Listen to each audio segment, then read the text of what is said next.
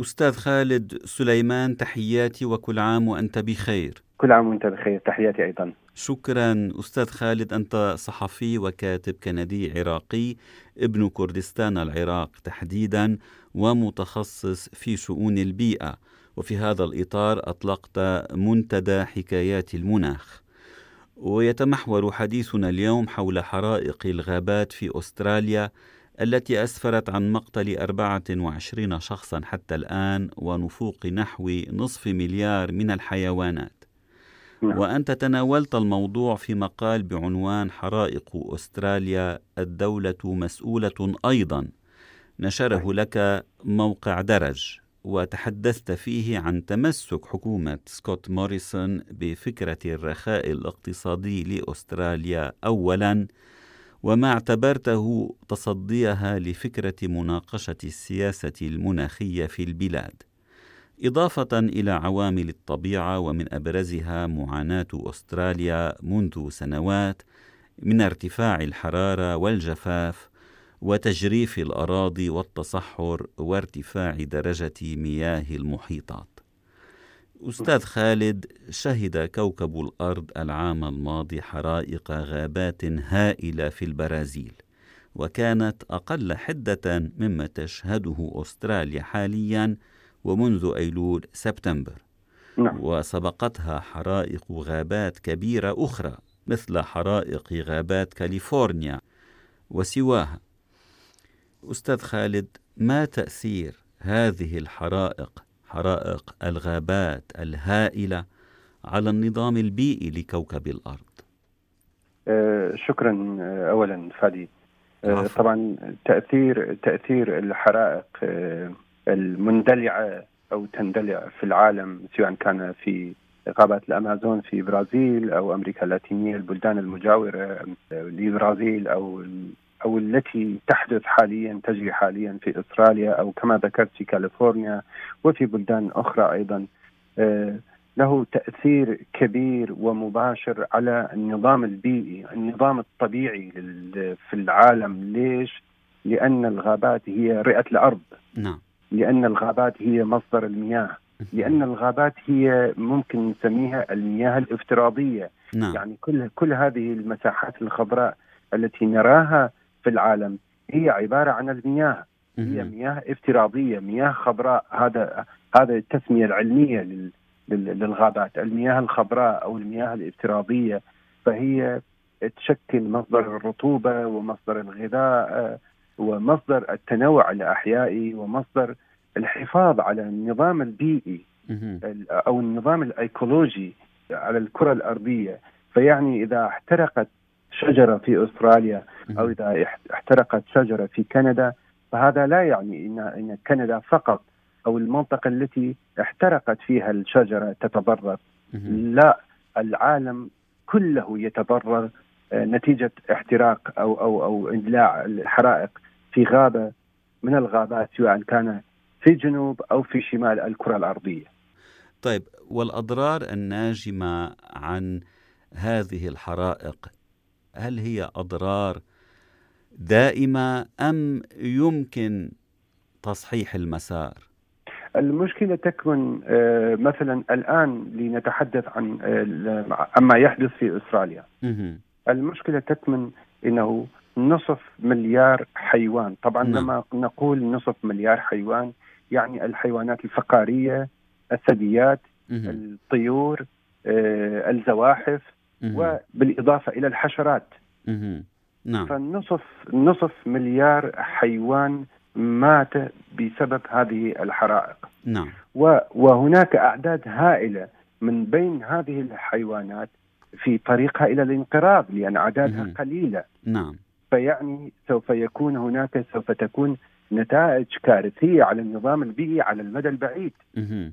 قد يمكن إصلاح الجوانب الأخرى من الحرائق المندلعة. نعم. وهذا ما قصدته يعني من الناحية البيئية هل الأضرار هذه دائمة ولا يمكن إصلاحها؟ طبعا نصف مليار حيوان نفقت هذه لا يمكن تعويضها. يجب انتظار انتظار عقود ربما من الزمن كي تتكاثر هذه الحيوانات وربما هناك حيوانات يعني مهددة بالانقراض كما ذكرت.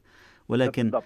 على صعيد الغابات التي هي رئة الأرض كما أسلفت أستاذ خالد يعني هل هذه هل الأضرار الناجمة عن هذه الحرائق المتعاقبة حاليا في أستراليا قبل أقل من سنة في البرازيل وقبلها في كاليفورنيا يعني هل يمكن توقيف هذا المسار الانحداري؟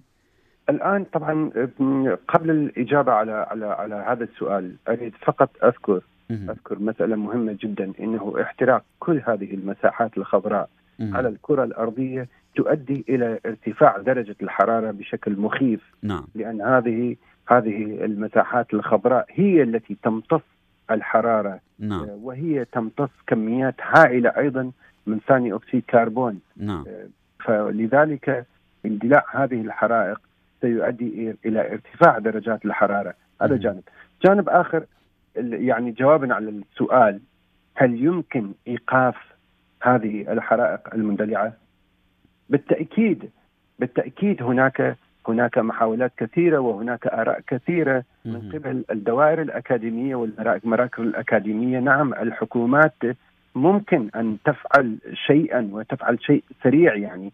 يمكن أن تقوم بخطوات سريعة. والخطوة الأولى هي هي تقليل توليد آه، ثاني أكسيد كربون. نعم. يعني مثلا تقليل استخدام الوقود الأحفوري. نعم. هذا هذه خطوة من الخطوات الرئيسية والجميع الهيئات الدولية والبيئية والأكاديمية اليوم تطالب بتخفيض ثاني أكسيد الكربون. نعم. وأيضا ونرى الحكومات حتى تتعهد بذلك ولكن في الواقع لا تفعل لا تأتي الأفعال على مستوى الوعود وعلى مستوى الطموحات طموحات طبعا هناك نقطة أخرى وهي أيضا في مثلا بلد مثل أستراليا اليوم م. اليوم هي البلاد المصدرة لكميات هائلة من اللحوم إلى العالم نعم مثلا ولكن هذه التجارة المربحة بالنسبة لأستراليا مم. على حساب النظام الطبيعي مم. على حساب تجريف الأراضي نعم. على حساب النظام الطبيعي والبيئة في في أستراليا. نعم وهذا ما أشرت إليه في مقالك عندما تحدثت عن تمسك الحكومة بفكرة الرخاء الاقتصادي لأستراليا يعني حتى أولا. ولو ولو اندلع اندلعت الحرائق في كل البلاد آه، اليوم صراحة الحكومة المحافظة في أستراليا آه، متمسكة بهذا الشعار مع الأسف على حساب البيئة وعلى حساب المناخ. طيب ماذا يسعنا أن نفعل كمواطنين عاديين في حياتنا اليومية لمكافحة التغيرات المناخية؟ أنا صراحة أعود إلى مقال آخر آه، كتبته العام الماضي إنه هل هل آه، يؤدي بنا تغير التغير المناخي إلى إلى تغيير النظام الغذائي للمواطنين؟ نعم نحن المواطنين وهذا هو الأهم يجب أن نعمل شيء، يجب ان أن نقوم بخطوة ذاتية نعم. فردية جماعية تجاه ما يحدث وهو تغيير تقليل اللحومات آه، المحافظة على يعني يعني التخفيف على من استهلاك اللحوم استهلاك اللحوم استهلاك آه، البلاستيك نعم. آه، استهلاك السيارات نعم. جميع الوسائل التي نستخدمها في حياتنا اليومية نعم. يعني المحافظة على البيئة أو أن نكون بيئيين لا مثلا لا يكتفي إنه بس نقوم بزرع آه، شجيرة صغيرة في في على البالكون اللي عندنا أو أو في الحديقة اللي عندنا لا. الحفاظ على البيئة يجب أن يبدأ في نظامنا الغذائي نظامنا اليومي للعمل. نعم. آه، بدل أن أن نستخدم مثلا سيارتين ثلاث سيارات لكل عائلة يوميا ممكن أن نستخدم وسائل النقل الجماعي أو أو, أو نعم. الكوليكتيف يعني. نعم. نظام النقل المشترك. مشترك. من تمام. باصات وقطارات أنفاق وسواها. يعني هناك خطوات كثيرة يعني مم. نقوم نقوم بها كمواطنين. نعم. يعني كنا في كندا في أستراليا في الشرق الأوسط في أفريقيا في أي مكان في العالم. إن شاء الله خير. أستاذ خالد سليمان الكاتب والصحفي المتخصص في شؤون البيئة شكرا جزيلا لهذا الحديث. شكرا شكرا لك. العفو.